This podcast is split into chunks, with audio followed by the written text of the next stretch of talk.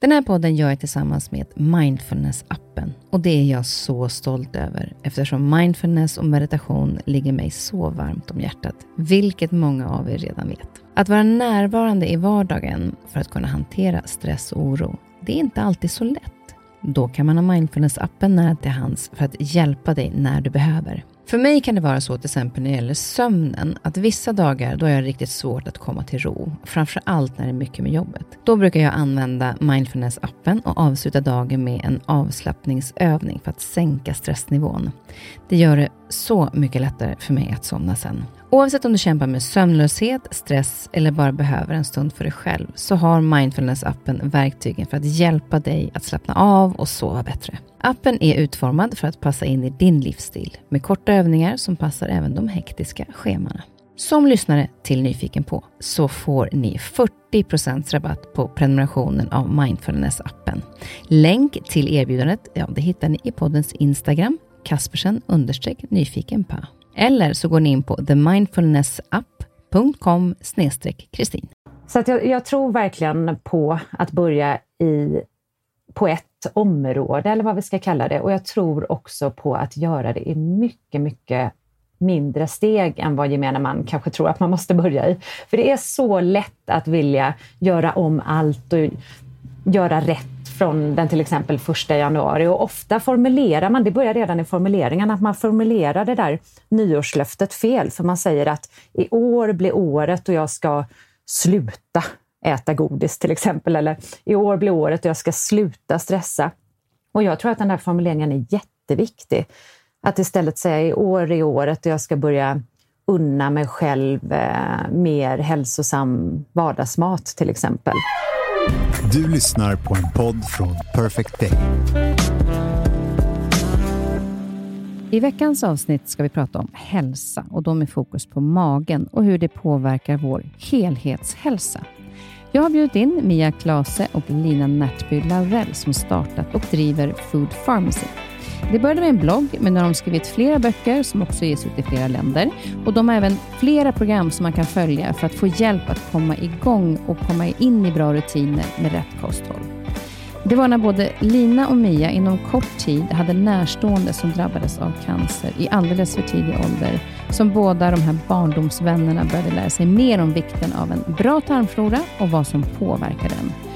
För frågorna blev alldeles för många kring varför många får cancer i för tidig ålder och även om det finns många olika orsaker till det så ville de titta på om det fanns något som man själv kunde påverka för att minska risken att bli sjuk, inte bara i cancer utan även andra sjukdomar.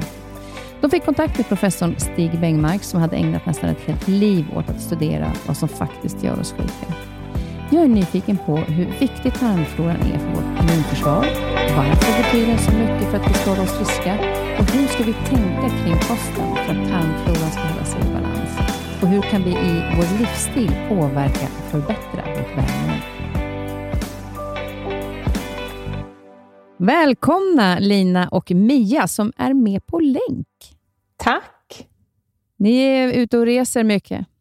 Vi är ute och reser just nu faktiskt. Eh, vi befinner oss på olika ställen. Ja, det är eh, rätt.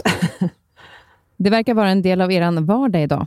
Ja, jag, har ju, jag lever ju på distansförhållande med en man i Paris, så att jag har inte så mycket, så mycket val. Så jag pendlar eh, ibland mellan Paris och Stockholm. Och löjligt nog så lever jag plötsligt också sedan en månad tillbaka i ett distansförhållande med eh, min kille som också har flyttat till Frankrike, fast till Alperna. Så att jag sitter i samma båt som Lina helt plötsligt. Det kanske är det som är grejen. Vi får se om jag hamnar där också någon gång. Det finns möjligheter alltså. Eh, vi ska prata om maghälsan och eh, visst är det väl så att maghälsa, för man tänker så här, maghälsa, eh, jag har inte ont i magen eller jag har eh, ont i magen. Att, men det handlar väl inte bara om själva magen, utan det är, mag, eh, det är en helhetshälsa på ett annat sätt. Är det inte så? Att magen påverkar hela hälsan? Absolut. Um, något av det första vi lärde oss på vår resa är att 70 Eh, drygt faktiskt 70 procent av vårt immunförsvar sitter i magen. Och då är det ju inte så eh, svårt eh, att förstå att en god maghälsa ger också en bättre allmänhälsa. Mm. Och Vi ska prata om det för att se hur vi kan hålla rätt balans i magen för att då ha den här helhetshälsan på ett annat sätt. Men jag tänkte kolla lite grann med er först, så att nu är det många som känner till er, för ni har ju blivit enormt stora med eh, Food Pharmacy. Men jag har läst att ni två eh, var glada hypokondriker. Då undrar jag lite grann, på vilket sätt då, Mia? ja, jag, jag funderar på om vi verkligen var så glada. Var vi det, Lina? vi var väl mest bara hypokondriker. Eh, vi var glatt ovetandes kanske? Ja, det var vi. Om... Nej, men det som hände ja. var ju att vi hade ett väldigt jobbigt år 2013 då ehm, vi förlorade tre kvinnor i vår absoluta närhet i cancer. Och det var min mamma och det var Linas moster och det var vår bästa väns mamma. Och eh, det skedde väldigt fort. Det gick, ja, allt hände samtidigt under loppet av ett år. Och gemensamt för dem alla var att de var alldeles för unga. De var under 65. Så eh, det gjorde väl att vi livet ställdes på sin spets helt enkelt. Och vi började fundera på om det fanns någonting vi själva kunde göra för att påverka utgången, om man säger så. För att där och då kändes det som att vi var med i ett rätt obehagligt hälsolotteri där det enda vi kunde göra var att hålla tummarna för att vi själva eller någon i vår närhet inte skulle drabbas av sjukdom. Ehm, så ja, det var, detta är 2013. Det var då allting startade. Och jag vet när ni började bloggen Food Pharmacy så vet jag att ni kom i kontakt med Stig Bengmark som var läkare och kirurg. Vad var det i hans kunskap som ni fastnade för? Ja, det var nog snarare att Stig, mötet med Stig blev startskottet för oss. Dels för våra egna personliga hälsoresor, eh, men också för hela Food Pharmacy. När vi träffade Stig så hade vi ingen aning om hur stor påverkan på vår hälsa som faktiskt livsstilen och då i synnerhet maten har. Eh, så Stig var ju den personen som i början då försåg oss med olika studier och kunskap om hur vi faktiskt kunde äta oss till ett friskare liv. Sen eh, så har ju vi, det här var 2014, eh, och sen dess har ju vi haft förmånen att faktiskt få träffa och intervjua några av världens främsta forskare, professorer, läkare inom det här området. Men det är klart att, eh, att Stig har ju en speciell plats eftersom att han, han var den, liksom, den som introducerade oss till hela det här eh, ämnet från början. Men blev det så då att ni själva valde att utbilda er inom kost, eller var det så att ni intervjuade massa människor och tog in den informationen på det sättet? Ja, alltså vad är utbildning? Det är en bra fråga. Vi fick ju, ehm, vi började ju läsa på, vi tog ju del av de studier som forskare hade publicerat när det kom då till mat och hälsa. Eh, och det tillsammans med att vi då intervjuade flera forskare och experter blev ju någon form, form av utbildning. Eh, men ingen av oss eh, läste till kostrådgivare eller gick någon Eh, diplomerad utbildning på universitet eller vid något lärosäte. Nej, och det har vi ju, ehm, det vi snarare har gjort är att ehm, och där vi har hittat ett utbyte med de vi har samarbetat med, det är ju att vi har tillgängliggjort rätt komplicerad kunskap eh, och satt lite enklare ord på det. Talat på, använt ett lite enklare språk så att vi satt, ja, tillgängliggjort det för fler människor så att fler människor har hakat på tåget och, och förstår det helt enkelt.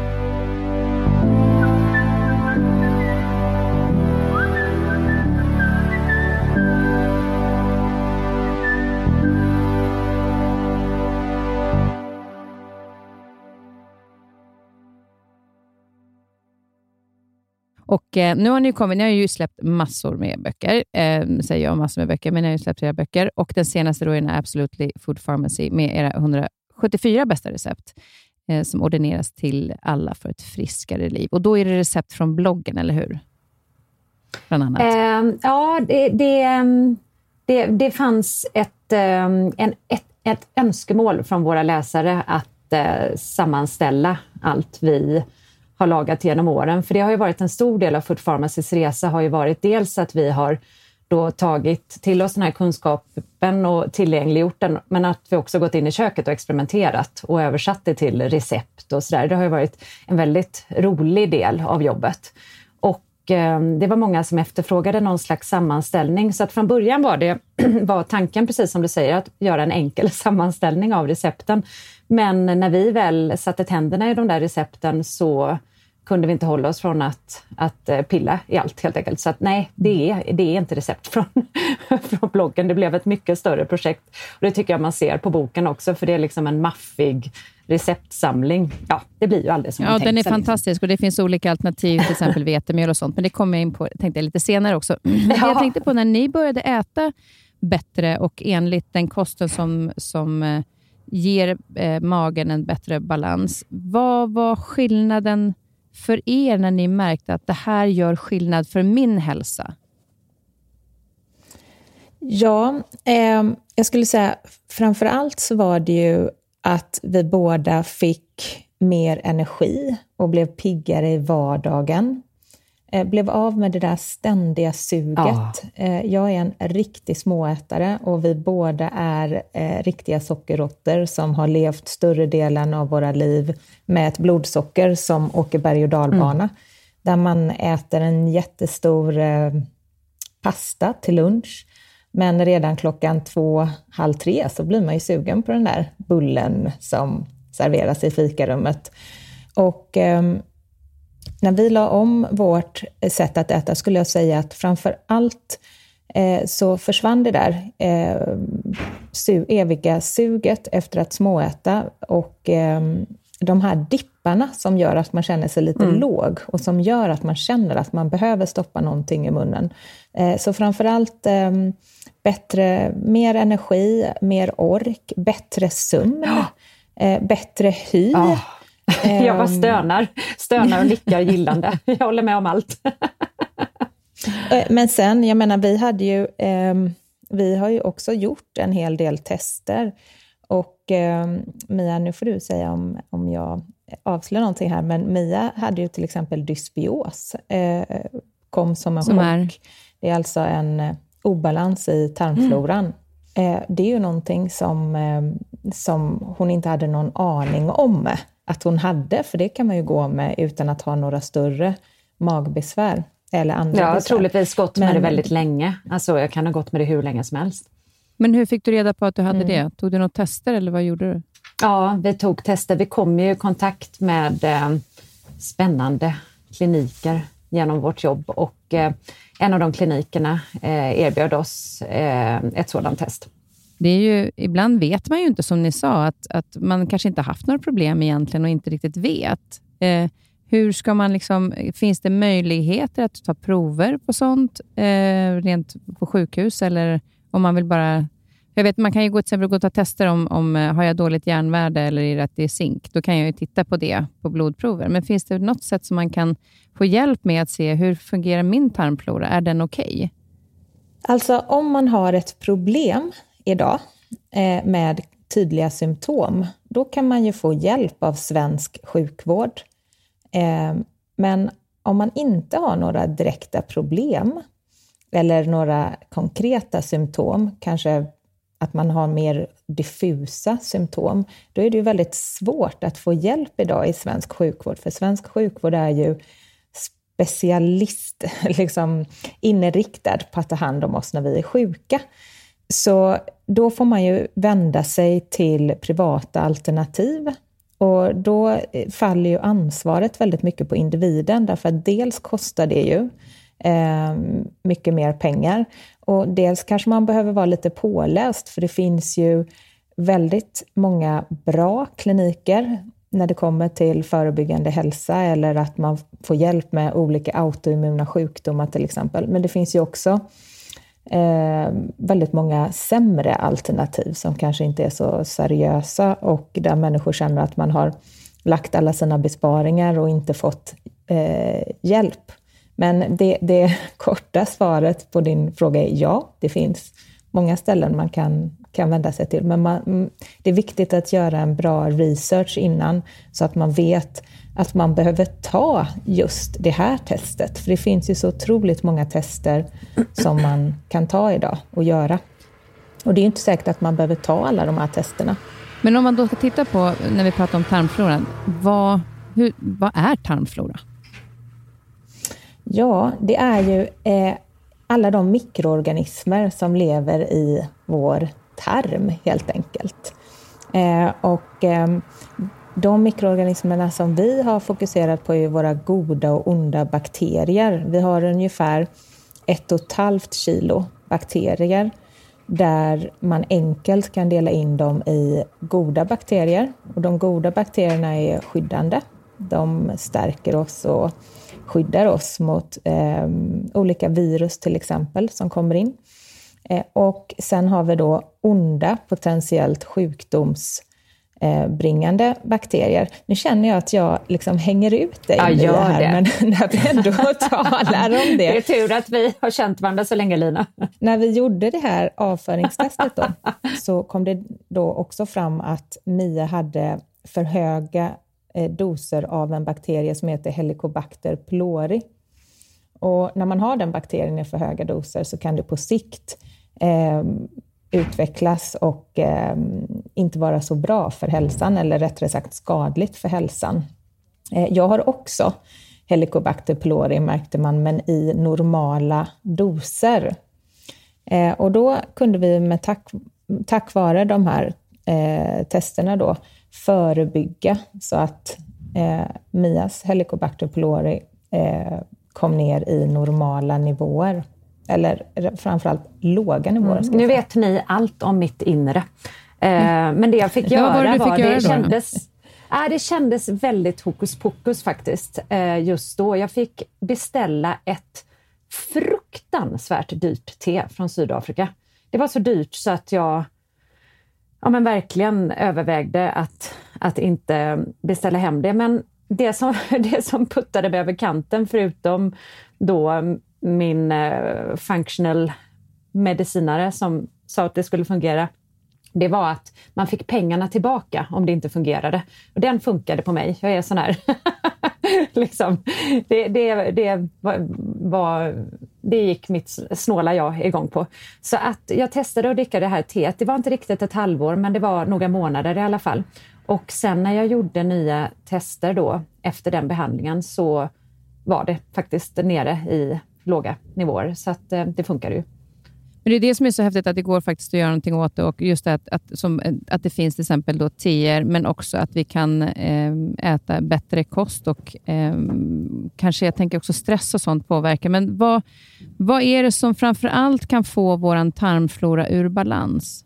Oj, det är ju eh, massa olika eh, anledningar till hur vår tarmflora eh, ser ut. Det är också en ärftlig komponent, men när det kommer till livsstilen så, eh, så vet vi ju att en god livsstil eh, främjar då en, eh, en bättre tarmflora och också ett lägre kroniskt inflammatoriskt tryck i kroppen. Och framför allt minska risken för oss att drabbas av alla de kroniska sjukdomarna även kallade livsstilsrelaterade sjukdomar som vi drabbas av idag. Och vad är det, I allt högre utsträckning. Vad är det förutom till exempel, om vi, för vi kommer komma in på kosten lite grann, men vad är det för andra typ av, alltså om man har en hälsosam livsstil, att man lever på ett bra sätt, vad är det som påverkar tarmen förutom kosten? Ja, men det är ju allt från eh, hur man tar hand om sig själv. Stress är en väldigt eh, vanlig och avgörande faktor och motion såklart och sömn och sen finns det också saker som vi kanske inte kan påverka i samma grad som, eh, eh vad ska vi säga, vad heter det, oh, eh, ja, föroreningar till exempel, förorenad luft och sådär. Men många av de här sakerna kan vi ju faktiskt påverka i eh, mindre eller större utsträckning. Där vi kan välja en mer hälsosam livsstil helt enkelt. För ibland kan man ju känna så att, att eh, om jag till exempel känner att nej, men nu vill jag försöka liksom fokusera på det här med tarmfloran och den ska bli bra. Och då är det ganska många komponenter som jag behöver se över, vilket gör att man ska då ändra kanske om man har ett stressigt liv, om man inte hunnit med träningen, om man slarvar med maten, så blir det en ganska stor omställning för att ja. eh, komma in i det här nya liksom, helhetstänket. Och det är inte, ibland är folk så här, ja men typ första januari, nu ska jag börja leva sunt igen. Och sen så bara, mm. nu, det här kommer sändas då framåt våren. Eh, då kanske folk har börjat tappa, det är därför jag vill att vi lyfter upp det nu i vår, för att man tappar det här, mm. ja, men alltså nu är jag tillbaka i mina gamla vanor igen. Eh, hur skulle mm. ni se på det för att kanske komma, få det att bli hållbart? Alltså, ska man ta lite mm. förändringar i taget, eller hur ska man gå tillväga? Och vad ska man då fokusera på först? Nej, men jag håller verkligen med dig, Kristin, för det där kan ju kännas väldigt överväldigande. Och eh, vi är ju av den bestämda uppfattningen att man verkligen ska börja någonstans, alltså en ände och ta det ett steg i taget. Vissa kanske har... Vi började i maten och eh, vissa kanske har mycket lättare att börja i träning eller i eh, en inre resa som meditation. Men jag tror att oavsett var man börjar så brukar ju en god vana leda till en till god vana. Och um, om man börjar med att... Det handlar ju om att ge sig själv kärlek och ta hand om sig själv. Och om man börjar med att ge sig kroppen till exempel, om man börjar med att ge den god mat, så kanske man märker att man mår bättre av det, både i att man faktiskt mår fysiskt bättre av det, men också bara i själva omtanken till kroppen. Att man faktiskt har gjort någonting fint och snällt mot sig själv och det i sin tur kan leda till att man vill ja, ta en längre promenad eller börja med att ta en promenad, gå ut eller sätta sig och meditera eller börja träna eller vad den kan vara. Men, så att jag, jag tror verkligen på att börja i på ett område eller vad vi ska kalla det. Och jag tror också på att göra det i mycket, mycket mindre steg än vad gemene man kanske tror att man måste börja i. För det är så lätt att vilja göra om allt och göra rätt från den till exempel första januari och ofta formulerar man, det börjar redan i formuleringen, att man formulerar det där nyårslöftet fel för man säger att i år blir året och jag ska sluta äta godis till exempel. Eller i år blir året och jag ska sluta stressa. Och jag tror att den där formuleringen är jätteviktig. Att istället säga i år är året och jag ska börja unna mig själv eh, mer hälsosam vardagsmat till exempel. Eller i år blir året och jag ska ja, alltså börja göra någonting istället för att sluta göra någonting. Det är ett av våra absolut viktigaste budord är ju att lägga till någonting istället för att fokusera på vad man ska utesluta.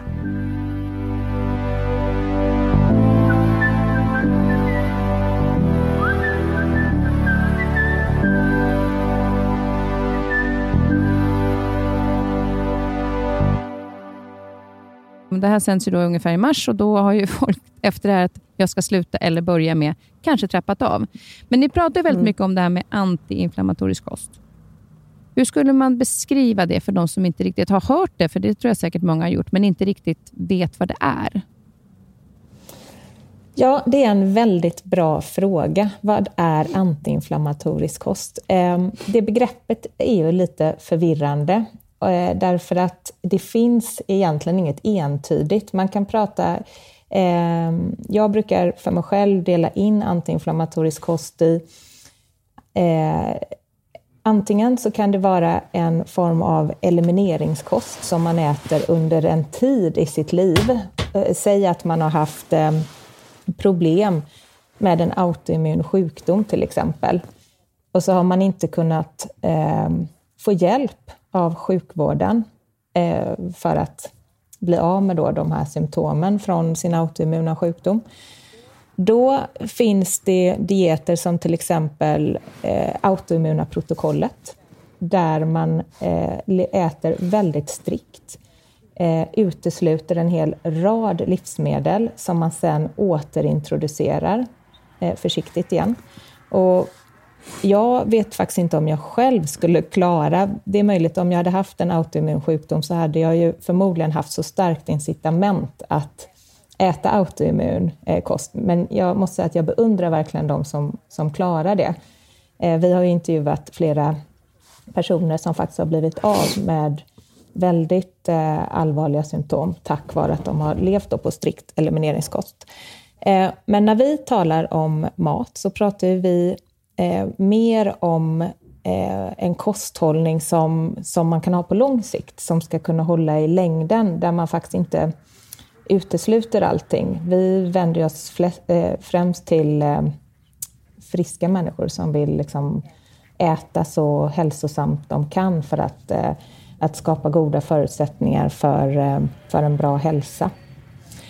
Och då så vet man idag, forskarna är oense om, till exempel finns det studier som visar att ägg är inflammatoriskt. Det finns andra studier som visar att ägg är antiinflammatoriskt.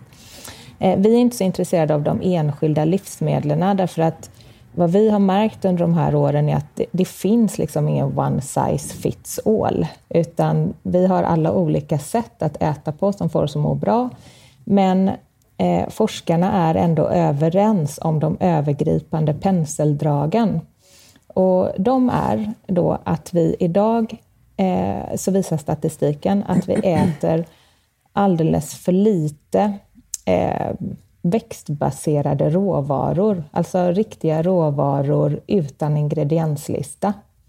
Eh, och att vi av hälsoskäl bör äta mer av de här råvarorna. Så oavsett eh, hur man äter, om man är vegan, om man, äter, eh, om man är pescetarian, om man äter kött, så mår vi alla bra av att äta stora eh, mängder växtbaserade råvaror. Jag pratar alltså grönsaker, eh, fröer, nötter och så vidare som vi alltid har varit designade av eh, att äta. Och det kommer ju fler och fler eh, studier. När vi började med det här så var det fortfarande, eh, ansågs i vissa kretsar fortfarande alternativt att prata om mat och hälsa.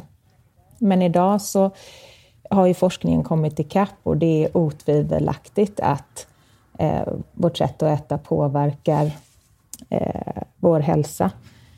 Det är faktiskt så att eh, Världshälsoorganisationen, Livsmedelsverket och Socialstyrelsen är helt överens om att 25 procent av oss svenskar riskerar att bli allvarligt sjuka eller dö i förtid på grund av att vi har så ohälsosamma matvanor.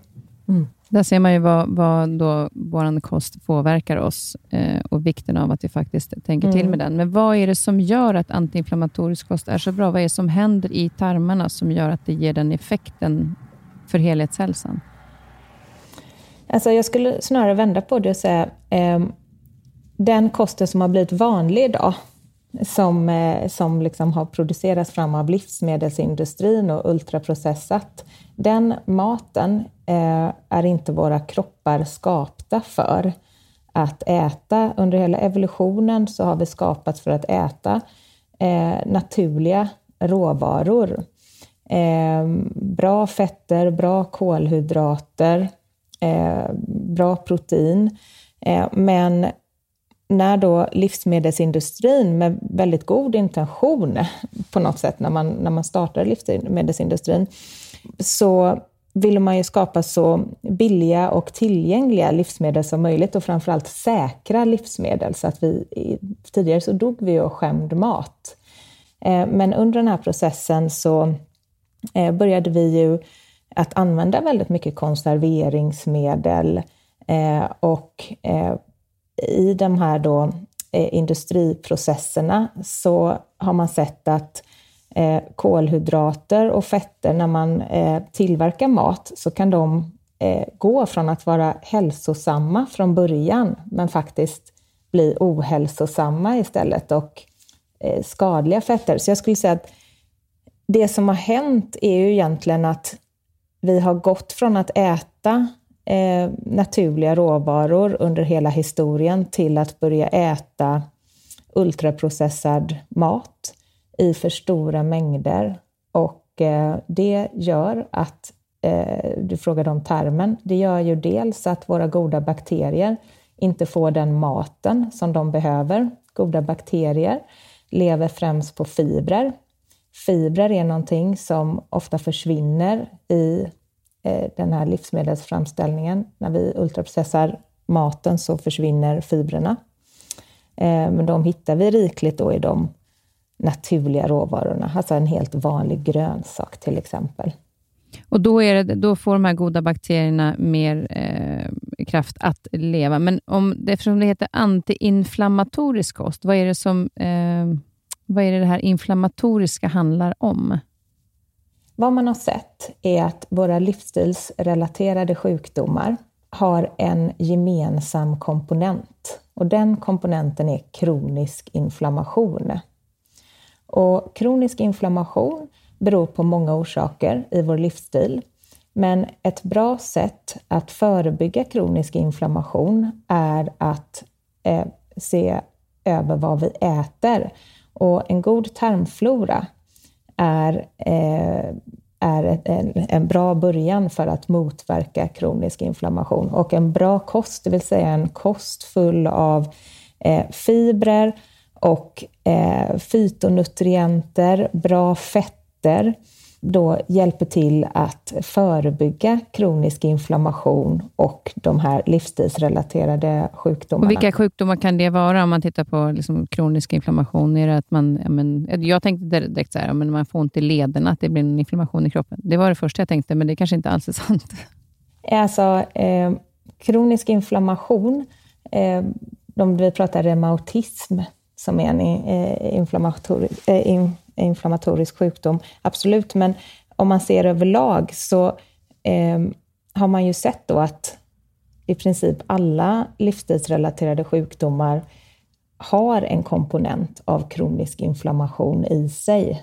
Alltså, vi pratar eh, eh fetma, diabetes typ 2, eh, cancer och så vidare. Eh, att kronisk inflammation är en gemensam komponent i olika välfärdssjukdomar. Mm. Men hur lång tid är det liksom, hur viktigt är det att komma till bukt med tarmfloran för att inte utveckla de här sjukdomarna? Ja, det kan man säga. Vi började ju, det är intressant när man eh, gör en resa som vi har gjort. Vi började ju väldigt mycket i termen av naturliga skäl eftersom att eh, Stig då, som var den som öppnade ögonen hos oss för det här, han eh, fokuserade ju väldigt mycket på just termen och tarmfloran. Idag eh, så pratar vi inte så mycket om tarm och tarmflora, utan vi pratar rent generellt om hur kan vi äta för att förebygga ohälsa? Hur kan vi äta för att hålla oss så friska som möjligt? Och då vet man ju att vi har fått en uppsättning gener. De kan vi inte ändra. Men eh, tack vare någonting som heter epigenetik Eh, så kan vi via vår livsstil påverka när en gen sätts, kopplas på eller inte. I bästa fall så innebär epigenetik att vi har eh, sårbarhet för en viss sjukdom, men den genen kopplas aldrig på därför att tack vare vår goda livsstil så kan vi hålla den eh, genen i schack, så att säga. Eller eh, kanske fördröja innan genen kopplas på. Det här kallas epigenetik. Så det är alltså hur vi lever påverkar hur våra gener uttrycker sig. Det är helt otroligt att, det, att, det, att man hittar de här, att just man kan påverka gener. För det är ju någonting som kanske inte jag i alla fall hade tänkt på direkt, utan man tänker mer kanske bakterierna i, i tarmen på det sättet. Men, men just det, det finns ju, nu ska vi prata om att det är inte det här att eh, jag ska inte göra det här i år eller så, men det finns ju vissa saker som man kanske bör undvika. Vi har pratat om processad mat, eh, att det ska vi inte äta så mycket av, eller inte alls helst. Eh, det, många pratar ju om det här med gluten. Då. Jag äter ju inte gluten själv, för att jag mår inte bra av det. Eh, men, men vad är det med gluten som gör att många inte mår bra av det? Yeah. Ja, alltså gluten har ju vi uteslutit helt och hållet också, men det är framförallt på grund av att min dotter har celiaki. Så att då introducerades jag väldigt tidigt eh, för ett helt glutenfritt kök och eh, upptäckte att det, eh, det var ju både lätt och rätt fantastiskt att, att hitta glutenfria alternativ. Alltså man introduceras ju för nya mjölsorter och väldigt mycket eh, saker som innehåller betydligt mer näring än vad det vita vetemjölet gör till exempel. Plötsligt stod man inför mandelmjöl och andra spännande saker som i sig blev mer näringsrika och fiberrika än det där vitaste, mest raffinerade vetemjölet. Och då är vi väl tillbaka på liksom det Lina pratade om tidigare, att det där ultraprocessade eh, vetemjölet utan fibrer, utan näring, kanske alla inte kan ta hand om. Eller eh, vad ska jag säga, inte ta hand om, alla kanske inte kan, eh, kan alla kanske inte tål eh, så som mjölet såg ut tidigare och det finns ju bättre mjölsorter även som innehåller gluten idag som jag vet att folk eh, tolererar eh, bättre än det vitaste, mest raffinerade vetemjölet. Vil vilka mjölsorter är det? Kulturspannmål, precis. Mm. Vet jag att folk har, eh, många upplever att de har lättare att eh, ja, mår bättre av helt enkelt påverkat magen i samma utsträckning som, som det där vetemjölet kan göra. Och Det är också det, det kommer jag ihåg att jag läste om när jag eh, skrev min bok, att vetemjölet tycker man ju, tänker många, och framförallt kanske de äldre som eh, levde på den tiden när vetemjölet inte var processat. Men det har ju skett en förändring mm. under Precis. åren för att man behövde liksom få tvåkorniga strån och det skulle växa snabbare och så vidare, vilket gör ju att vetemjölet idag är processat. Eh, så det är ju mm. inte, och det gör ju då att det inte innehåller lika mycket näring till exempel. Så därför är det många som inte klarar det idag. Eh, vi har eh, svårare att ta hand om det och vi, vi eh, går miste om, om näring, precis som du säger. Men sen är det också så att mycket av det där färdiga brödet som du köper på påse i butiken, det innehåller ju extrema mängder gluten dessutom för att det ska jäsa snabbt och bli fluffigt och ja, hålla, hålla länge. Så att jag tror också det är mängden gluten som brödet innehåller som vi kanske har lite svårare att hantera helt enkelt. Och Det känns också som vi äter mer gluten idag än vad vi gjorde förr. För då var det, nu kan vi äta både bröd och pasta och pastasallader och det är massor med olika saker där gluten är i. Det var det ju inte mm. då när vetemjölet inte var processat. Då åt man kanske bröd, men sen åt man ju potatis och ris och andra sorter. Så det har ju blivit en större mängd gluten också som vi får i oss. Men när vi är inne på mm. gluten, så tänkte jag också på mejeriprodukter. Vad anser ni om det? Ja, men vi, vi började med att utesluta mjölkprodukter. Eh, och eh, jag, jag mådde väldigt bra av det, men jag har aldrig heller upplevt, om jag ska vara helt ärlig, att jag mådde dåligt av att äta mjölkprodukter heller. Eh, sen så gick åren och sakta men säkert så började jag återintroducera mjölkprodukter, men väldigt försiktigt. Jag dricker liksom inte mjölk idag som jag gjorde tidigare i ett eh, glas. Däremot så om jag ska steka så steker jag alla gånger i smör eh, hellre i, eh, än i olivolja till exempel eftersom att man inte ska upphetta eh, de här oljorna därför att de är väldigt känsliga Varför ska man inte göra det? Nu blev jag nyfiken. Men, med, jag har inte hört. Man ska ju inte upphetta eh, olivolja därför att de här nyttiga fetterna är så känsliga för upphettning så att eh, olivolja är ju supernyttigt och innehåller ju massa polyfenoler till exempel som är väldigt bra för oss. Eh, men för att bevara eh, olivoljan så nyttig som möjligt så är det bättre att använda den eh, på sallad eller eh, alltså inte, inte upphettad. Ja, det var nytt för mig, nu ryker den. Som en, smak, mm. som en smaksättare mm. brukar vi säga att, att man ska investera i en riktigt fin, bra olivolja och använda den som smaksättare. Okej, okay, så då använder du smör istället? Ja, det som tål upphettning bäst är kokosolja och smör. Eh, och eh, kokosolja är ju, för mig, passar inte i all form Nej. av mat. Jag tycker att det blir mycket godare att använda eh, smör. Så att jag använder smör i matlagning. När jag är i Paris så slinker det ju ner en och annan ost, ska jag ju inte sticka under stolen med. Ehm, jag ehm, har haft hemma till barnen och även mig själv så tycker jag att vispad grädde med, med nötter och och ehm, eh, bär är ett väldigt bra substitut när man är sugen på eh, en dessert eller glass eller eh, någonting därför att det, det mättar så bra och det har samma, eh, samma typ av söta lena eh, smak. Eh, så att idag äter vi båda två eh, mjölkprodukter men är noga med att inte överkonsumera.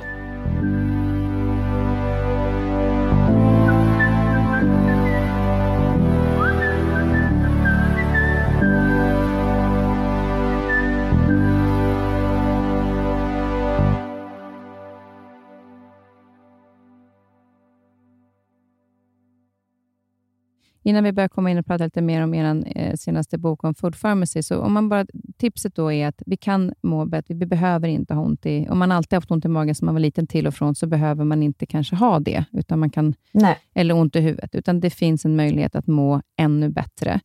Vad skulle ni vilja med då, ge som tips om det bara så här, nu vill jag eh, få ordning på det här. Vad ska jag börja när det gäller kosten? Eh, vad ska jag lägga till kanske, istället för att ta bort? Ja, det var precis det jag tänkte säga. Börja med att lägga till.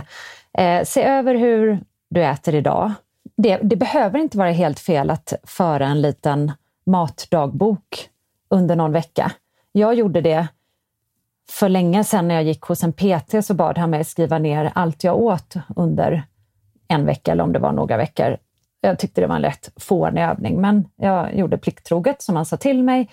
Och då skulle jag verkligen skriva ner allt som passerade min mun varje dag. Och när jag läste de där anteckningarna efter en dag och efter några dagar så var det så här, det var så mycket som åkte in i min mun som jag inte ens var medveten om. Alltså allt från faktiskt sötsaker som jag inte ens var medveten om till att man står och provsmakar hela tiden när man lagar mat, till att man, jag gick direkt till skafferiet så fort en känsla av stress eller tristess dök upp så gick jag direkt till skafferiet och stoppade någonting i munnen. Och, ja, det var väldigt intressant loggbok jag, jag förde där. Så det kan ju vara, eh, det kan ju faktiskt vara en idé att på något sätt medvetandegöra var, hur man äter idag. Och så sen vad man inte äter är intressant att titta på. Hur, alltså rekommendationen, Livsmedelsverkets rekommendation är att man ska äta 30 eh, olika då livs, växtbaserade, eller förlåt, inte växtbaserade, men 30 olika livsmedel i veckan för att det är en viktig nyckel är att äta varierat. För olika livsmedel innehåller ju olika vitaminer och mineraler och fibrer så att man uppmuntrar till variation och då är det ju inte då grillchips är inte med på den listan och sådär, utan Nej. de här rena livsmedlen. rena livsmedlen vi pratar om. Och då kan man titta på det, hur varierat äter jag? Ehm, jag tyckte spontant när jag läste att man skulle äta 30 livsmedel per vecka så tyckte jag att det lät rätt mycket. Men sen när jag började skriva ner vad jag åt så insåg jag faktiskt ganska snabbt att det får jag i mig med råge eh, i veckan. Men det där är också högst individuellt. Och får man inte det, man kanske upptäcker att man äter eh, tio livsmedel i veckan, man kanske äter mycket samma lika hela tiden. Ja, men då kan man titta på vad kan jag addera här? Hur kan jag tänka nästa gång jag går till grönsakshyllan? Jag kanske inte ska ta de där tre grönsakerna jag alltid landar på. Låt säga tomat, gurka, morot. Det är väl inte en jättegalen gissning att, att tänka att det är det många går till. Kan man, kan man flytta handen några centimeter till höger och våga ta den grönsaken som är till höger om, om tomaten till exempel och chocka sig själv och familjen Vad spännande, vad kan jag göra våga, med det här? Exakt, våga göra någonting annat, helt mm. enkelt. Och En annan sak som jag tänkte på, som många pratar om just där, och jag hörde att, att um, Eh, Lina sa i början också det här med att man liksom slutar att småäta och så. Hur viktigt det är att också tarmen får vila mellan måltiderna? Ja, men det där är ju viktigare än vad många kanske tror. Och det gäller ju faktiskt inte bara tarmen, utan det gäller ju hela kroppen, alla våra organ. Att den får vila, får en liten paus från mat då och då. Och det, vi började ju i vad vi äter. Det var mm. där vi ägnade de första åren. Men sen efter några år så började vi fokusera mer och mer på när vi äter. Och eh, har förstått att det är ju minst lika viktigt som vad vi äter för vår allmän hälsa. Och eh, vi har ju sedan flera år tillbaka faktiskt praktiserat någonting som heter, för, eh, som heter periodisk fasta. Det vill säga vi har ett begränsat ätfönster under vilket vi äter och sen så har vi då ett fönster som är där vi inte äter helt enkelt, som är, mm, är längre än vårt ätfönster. Vilket i praktiken innebär att det första vi gör när vi slår upp ögonen på morgonen är inte längre att kasta oss över en kopp kaffe, som det var tidigare, och en rostad macka. Så såg det ut under väldigt många år i vårt liv. Och det sista vi gör när vi lägger huvudet på kudden är inte att äta kvällsmat, utan vi väntar några timmar på morgonen med att äta vårt första mål och ta vår morgonkaffe. Och vi försöker att äta middag ja, vid. Lina äter sin middag vid sex, jag är lite senare på den. Jag äter den vid sju ungefär. Sen äter vi ingenting mer på kvällen.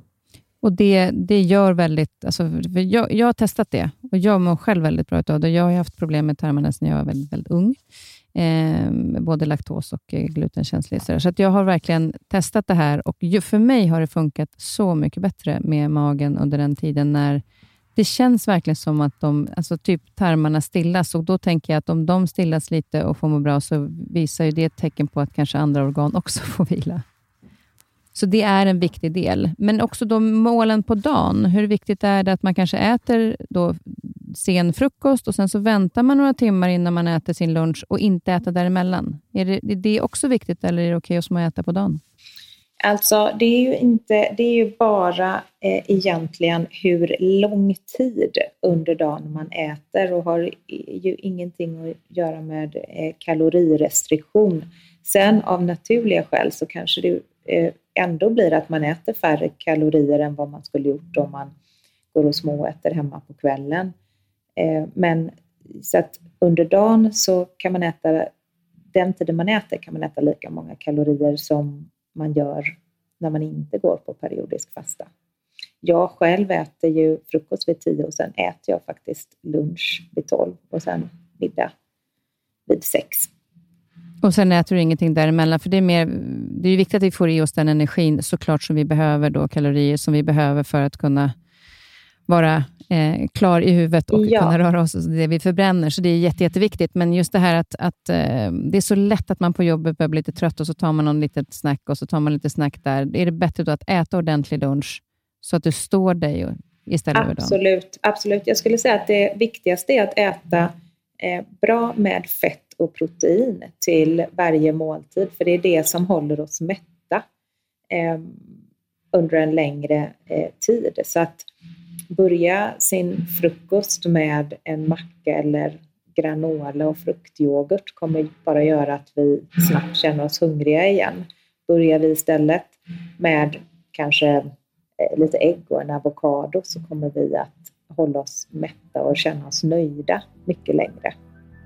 Och det här gäller ju även för lunch då och middag.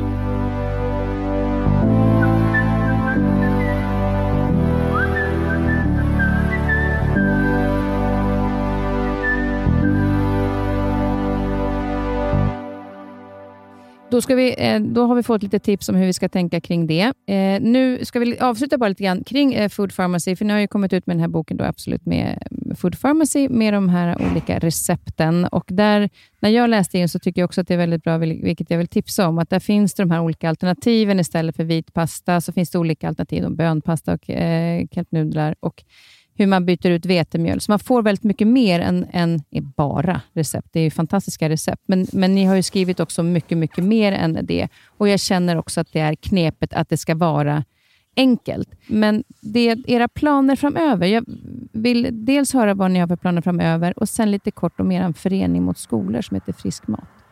Så era mm. planer framöver, mm. hur ser de ut? Mia? Jag kan börja med att berätta om planerna framöver. Då. Det vi um, började göra för, ehm, ja men det är nästan exakt ett år sedan så tror jag att vi drog igång vårt första program Eh, eller så här säger vi. Vi, eh, vi tycker ju att vi har, har jobbat nu i åtta år, eller hur länge är det nu hållit på, med att inspirera folk till att lite hälsosammare matvanor då framför allt. Till, eh, vi tycker vi har delat våra recept och våra tips och hur vi själva har gjort och verkligen försökt få eh, folk att haka på tåget. Men ändå har en av de vanligaste frågorna vi fått varit, ja ah, men jag har blivit så inspirerad och nu har jag köpt era böcker och jag läst det här och jag har tittat på det här receptet, men, men hjälp mig, hur kommer jag igång? Och då har vi verkligen sett att så här, ja, men det, är, det är någonting här som, som saknas. Folk har ändå ett behov av att vi kan sitta här och tipsa i hur många poddar som helst känns det som om att liksom lägga till och sådär. Men det är någonting som gör att folk fortfarande har en liten tröskel att komma igång. Så då för ett år sedan ungefär så drog vi igång vårt första kom igång-program typ, som var ett tre veckors program där vi delade recept och vi startade en community på Facebook som var låst för deltagarna. Och så hade vi föreläsningar och live-träffar och sådär. Och det blev superpopulärt. Så då fick vi lite mer smak och så drog vi igång ett till program och sen så började vi sätta lite olika rubriker på de där programmen. Och det har resulterat eh, i att vi ett år senare har en hel drös med olika program som vi kör regelbundet på Food Pharmacy och det är allt från en eh, fastehärmande femdagarskur till 21-dagarsmetoden och sen kör vi lite mer specialiserade program tillsammans med en klinik som vi samarbetar med som heter ja, nu heter den maghälsa-metoden. Den, hette, den är framförallt för folk med problem, som har problem med IBS och problem med magbesvär. Eh, vi ska köra en fermenteringskurs nu med en av våra gästskribenter som är specialist på fermentering. För det vill vi själva lära oss och bli mer, få mer självförtroende i, så då har vi dragit igång en fermenteringskurs. Och, ja, vi ska göra ett stressprogram. Och det, det gör vi dels för att vi får otroligt bra feedback på våra program och det är väldigt många deltagare i dem, men också för att vi känner att vi kommer till vår rätt i de här programmen. För vi har varit hej runt omkring och testat massa olika saker och vi har, vi jobbar, vi har jobbat och jobbar fortfarande delvis med kosttillskott och ja, vi, vi har gjort massa olika saker, men i de här programmen känner vi att det här är vår framtid. För vi har så himla kul vi tycker att vi gör ett viktigt jobb och vi märker att vi kan hjälpa folk över den där sista lilla tröskeln som vi tydligen inte kunde åstadkomma tidigare. Där kan vi gå in och punktmarkera dem nu. Så det, det är faktiskt otroligt inspirerande. Så det är den det vi kommer verkligen... lägga vårt krut på framåt. Och det, det tror jag också, så här, man bara som, efter, även om jag kan tycka att jag har lite koll på hälsa eh, och träning, men ibland ser man att jag kommer inte igång, eller hur ska jag tänka nu? Och jag ser den här kokboken och de här recepten, det är jättebra, men ja. man behöver lite grann den här kicken, så det är ju helt underbart att ni gör det. Men ni har ju också, eh, ska jag säga, den här, att ni har jobbat mot skolor som heter Frisk mat. Vi, eh, I vår första bok så hade vi med ett hemligt extra kapitel och det handlade om när eh, jag bodde över på Karolinska med min son eh, som då var fem år och sen när vi skulle välja frukost så var det eh, O'boy och fruktyoghurt och eh, äppeljuice och då hade vi precis lärt oss att det finns barn idag i Sverige som faktiskt överskrider rekommenderat dagligt intag av socker redan vid frukostbordet. Eh, och den naturliga, den spontana tanken då när jag läste den här menyn var ju varför serverar våra sjukhus inte bättre mat till sjuka personer när vi faktiskt vet att maten påverkar vår hälsa? Det var, det var liksom där någonstans vi började att intressera oss för den offentliga måltiden.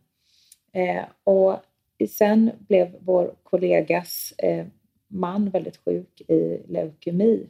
Och hon hade samma erfarenhet under de här månaderna eh, när hon då, hennes man som led av diabetes typ 1 serverades mat som var direkt farlig för honom med eh, sin diagnos. Och då, det här ledde då till ett upprop som sedan landade i en ideell förening, Frisk Mat, Eh, och frisk mat jobbar helt enkelt för att eh, barn och unga och sjuka och äldre i Sverige ska serveras näringsrik, god och hållbar mat på då förskolor, skolor, sjukhus, äldreboende och eh, via hemtjänsten. Egentligen är det inga konstigheter utan maten då som, som Frisk Mat förespråkar är helt enligt Livsmedelsverkets rekommendationer. Eh, och där ser man ju också då att den offentliga måltiden eh, är en möjlighet till eh, en utbildningsinsats också. Vi vet ju, för vi blir kontaktade av människor varje dag som precis som, som vi har upplevt eh, maten på förskolor och sjukhus. Eh, och då tycker jag att det är så intressant att kostnaden bara för råvarorna uppgår till nästan 10 miljarder kronor per år. Det är helt sjukt. Mm. Ja, men, men otroligt viktigt. Och vi, alltså, ni, det ni har gjort för så många, vill jag säga, för att jag vet att det är eh, många som läser era böcker eh, på bloggen och de här olika programmen som ni nu börjar, att ni faktiskt hjälper till på ett förståeligt sätt eh, hitta till en helhetshälsa, vilket är fantastiskt tycker jag. Så det vill jag säga tack för. Och Sen vill jag också höra, innan vi avrundar, för nu ska någon kanske ut i backen och du ska flyga till eh, Paris, Lina. Eh, och Jag ska iväg på en keramikkurs, vilket jag har börjat med, vilket är väldigt roligt. Oh, wow. en del det är i, en dröm. Jag vet, det är helt fantastiskt. Och Det är faktiskt en del i min, min stresshantering, för jag har eh, bestämt mig för att lägga till mera lugn i mitt liv eh, det här året. Och Det är en utmaning för mig som har lite ADHD eh, i mig. Så då har jag eh, anmält mig på en keramikkurs, vilket är fantastiskt kul. Eh, fantastiskt! Men innan då, då, Gud vad avundsjuk jag blir. Ja, det är så roligt. Det är så roligt. Jag är helt supertaggad. Men vad är ni nyfikna på? Jag brukar alltid fråga. Jag är ju så nyfiken på er och allting. Och, och eh, massa, det kan vara vilket ämne som helst. Vad, är, är det fortfarande inom hälsa som ni är eh, nyfikna? Nyfikenheten finns? Eller är det någonting annat? Alltså, jag är nyfiken på ja. så mycket. Eh, var ska jag börja? När det kommer till hälsa så är ju en, jag är otroligt nyfiken av, eh, på olika former av biohacks och hur man faktiskt kan optimera sin hälsa genom, genom så kallade biohacks. Mm. Jag är väldigt nyfiken på eh, kyla just nu. Att exponera kroppen för kyla.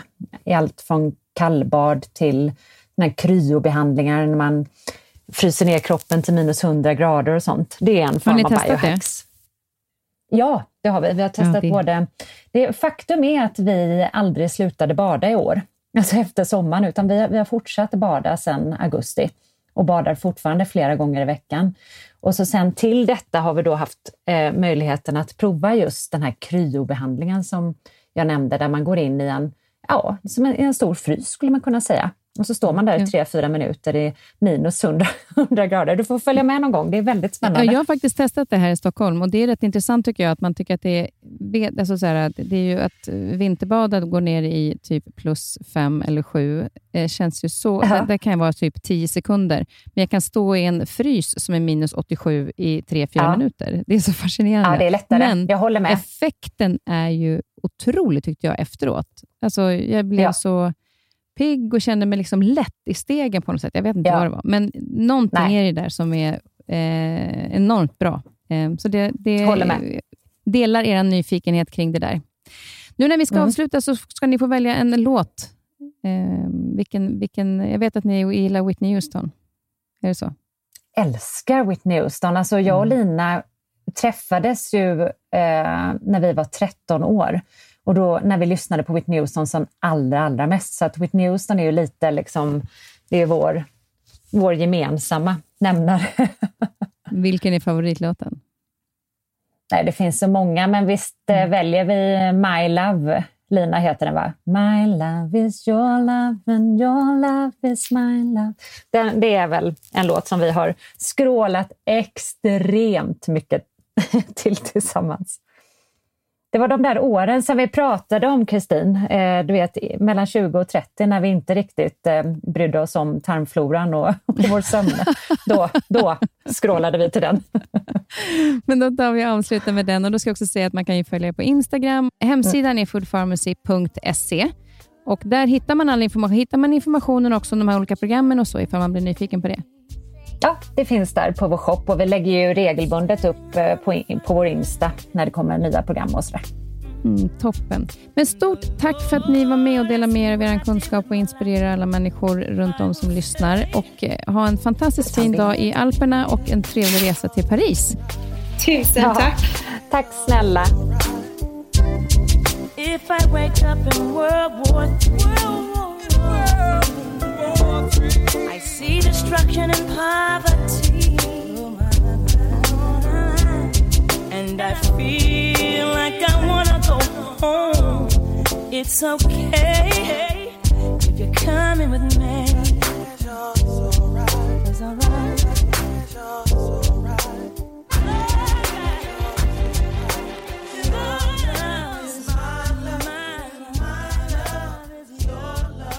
Den här podcasten är producerad av Perfect Day Media.